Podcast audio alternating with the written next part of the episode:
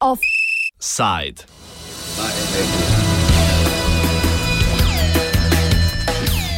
Civilni nadzor za drugi tir.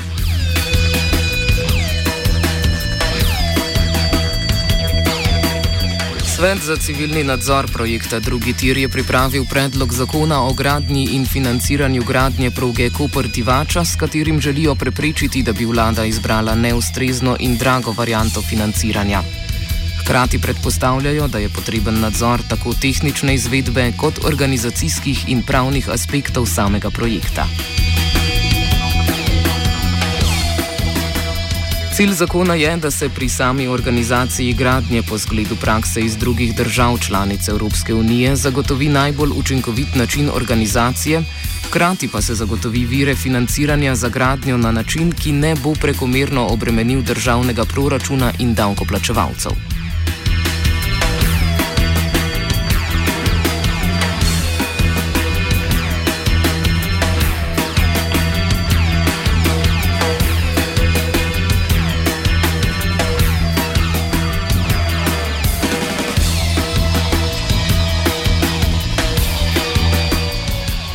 Finančne rešitve, ki jih predlagajo v predlogu zakona, zavračajo oblike javno-zasebnega financiranja in dajo prednost javnemu financiranju.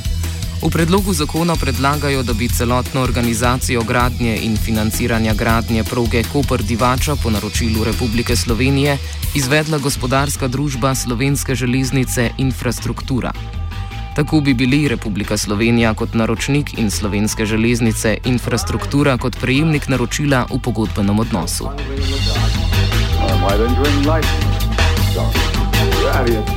Finančna sredstva bi bila po predlogu pridobljena predvsem iz virov koncesijske dejatve in dividend, ki jih v proračun plačuje družba Luka Koper, izplačil uporabnine železnice in zvišanih trošarin na motorna goriva v višini enega centa na liter goriva.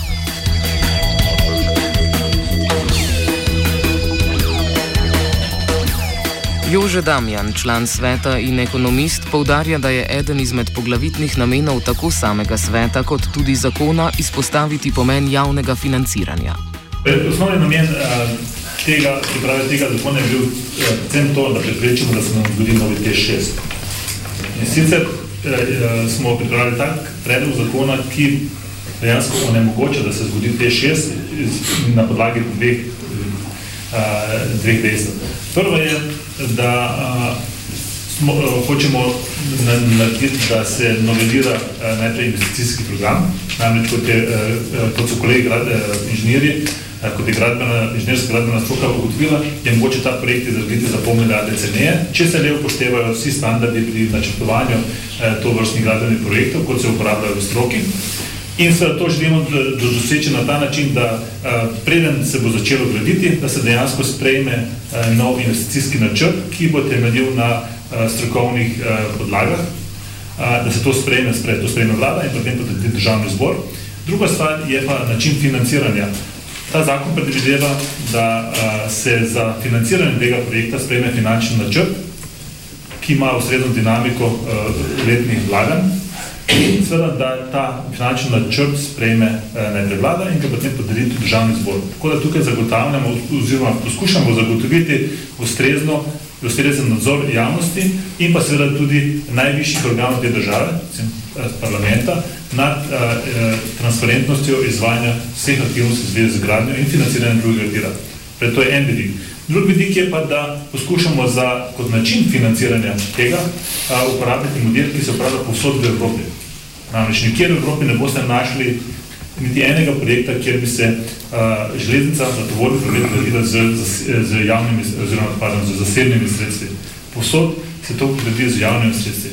Tukaj smo potem uporabili model, ki ga uporabljata Avstrija in Švica, pa seveda tudi ostale države, ampak najbolj očitno eh, tam, a, se pravi, eh, kjer, se, eh, kjer bi se drugi tir gradil a, z, a, na podlagi oziroma a, a, pod mandatom države znotraj slovenske železnice, se pravi, njena ščelinska družba Srže infrastruktura bi to gradila in ta družba bi se seveda tudi za, a, za namen financiranja tega projekta uh, zadrževala v svojem uh, imenu za, za svoj račun, ampak seveda s poroštvom države.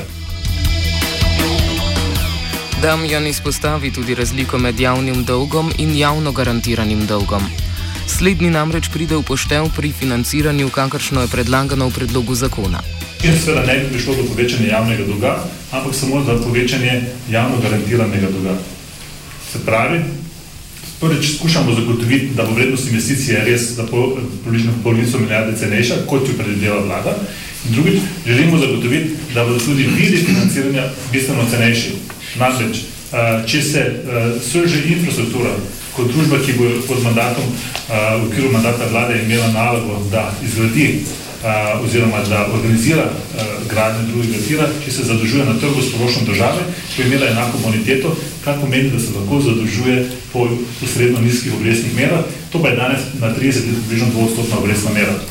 Če bi pa notri vključili bodi si zasebne partnerje, bi pa to pomenilo, da bo ti zahtevali bistveno večji komercialni donos, večjo stopnjo donosnosti, zaradi vseh tveganj, tudi zaradi tega, ker imajo tudi sami višjo ceno zadrževanja pri bankah, bi to pomenilo, seveda, da bo ta donos, oziroma da bi se strošek financiranja povečal tam na 8 do 10 odstotkov, kar pa je seveda pomeni štirikrat več.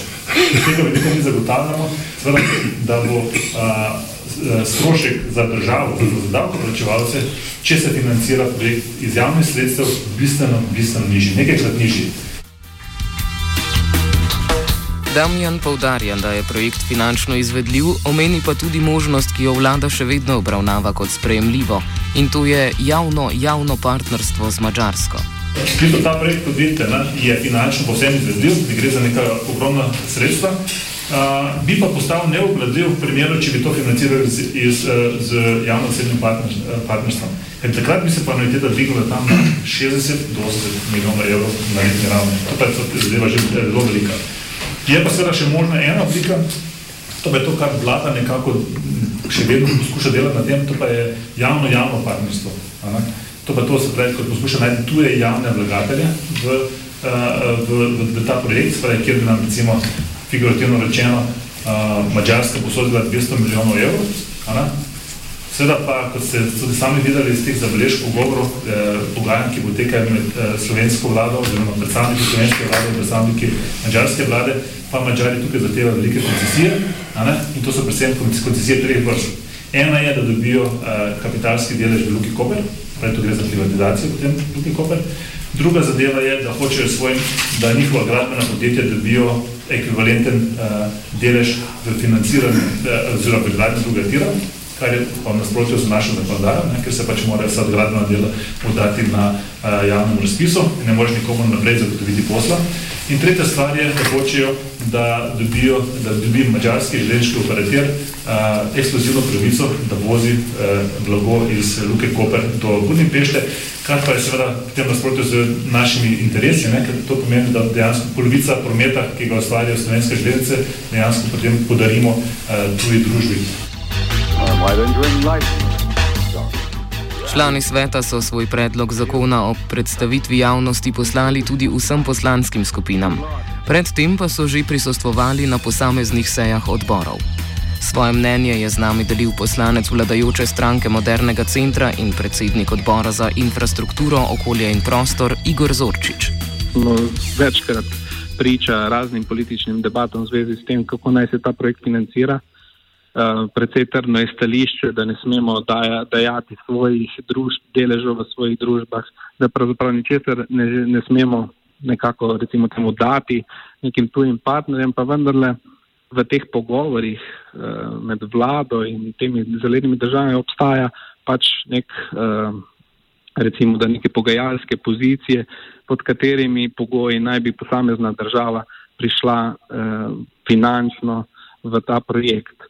In zdaj, takšne debate na ravni države, da ali si mi sploh želimo ta projekt v takšni inačici ali v drugi inačici, pravzaprav slabi naš položaj zaradi tega, ker bodo tudi te zaledne države na koncu ugotovile, da se mi sploh ne vemo, kakšno traso si želimo. Oziroma, ne da bodo to ugotovile, imele bodo takšno predstavo o nas. Seveda pa pač ministrstvo eh, straja pri eh, tej svoji varianti in jaz mislim, da bomo moramo tu stati ob strani.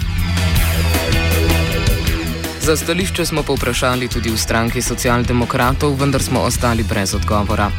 Stranke svojih stališč javnosti sicer še niso predstavljale, ker naj bi predlog zakona prejele šele pred kratkim. Možnost sodelovanja so sicer nakazali v opozicijski združeni levici, ker naj bi se ponujeni predlog v mnogih delih skladal z njihovimi v preteklosti predstavljenimi pobudami. Več Matej Vatovec, poslanec Združene levice. So možnosti, obstajajo zaloge, na kakšen način pač to financirati z javnimi sredstvi. In uh, mislim, da je to uh, razmislek, o kateri bi morali iti. Smo pa videli, da ministrstvo in vlada um, ustrajno zavračajo take, take rešitve. Uh, in tu seveda verjetno zaradi tega, ker si, kot je, mislim, da precej jasno, prizadevajo za to, da se ne, posredno ali pa neposredno na koncu um, privatizira to infrastrukturo. Uh, ne na zadnje ta vlada ravno spremenila zakon o slovenskih železnicah, ki omogoča, da se recimo hčerinske družbe uh, slovenskih, železnice, uh, slovenskih železnic privatizirajo, kar je jasen namik tega, v katero smer pelje in to kažejo tudi Eh, pogajanja z mačarsko vlado in tako naprej. Skratka, vse, kar počne ministrstvo in vlada, nakazuje na to, kakšen, kakšen bo zaključni scenarij te zgodbe in to je tisto, kar je potrebno preprečiti. Tako da so te rešitve, ki so ponujene tudi v tem predlogu, verjetno najbolj smiselne oziroma tisto, kar lahko prepreči tudi na dolgi rok to privatizacijo same infrastrukture uh, in končno mogoče celo Luke Koper. V inicijativi Svet za civilni nadzor zaenkrat načrtujejo predvsem pogovore v strankarskih pisarnah glede podpore njihovemu predlogu. Skupini tako ostajata dve možnosti. Ali v državni zbor njihov predlog uloži kateri od poslancev, ali pa zberejo dovoljšne število podpisov. Skupina je sicer predlog zakona že poslala predsedniku državnega zbora. Tam mora sedaj določiti rok, dokdaj je potrebno nabrati 5000 podpisov, da lahko o predlaganem zakonu glasujejo poslanci.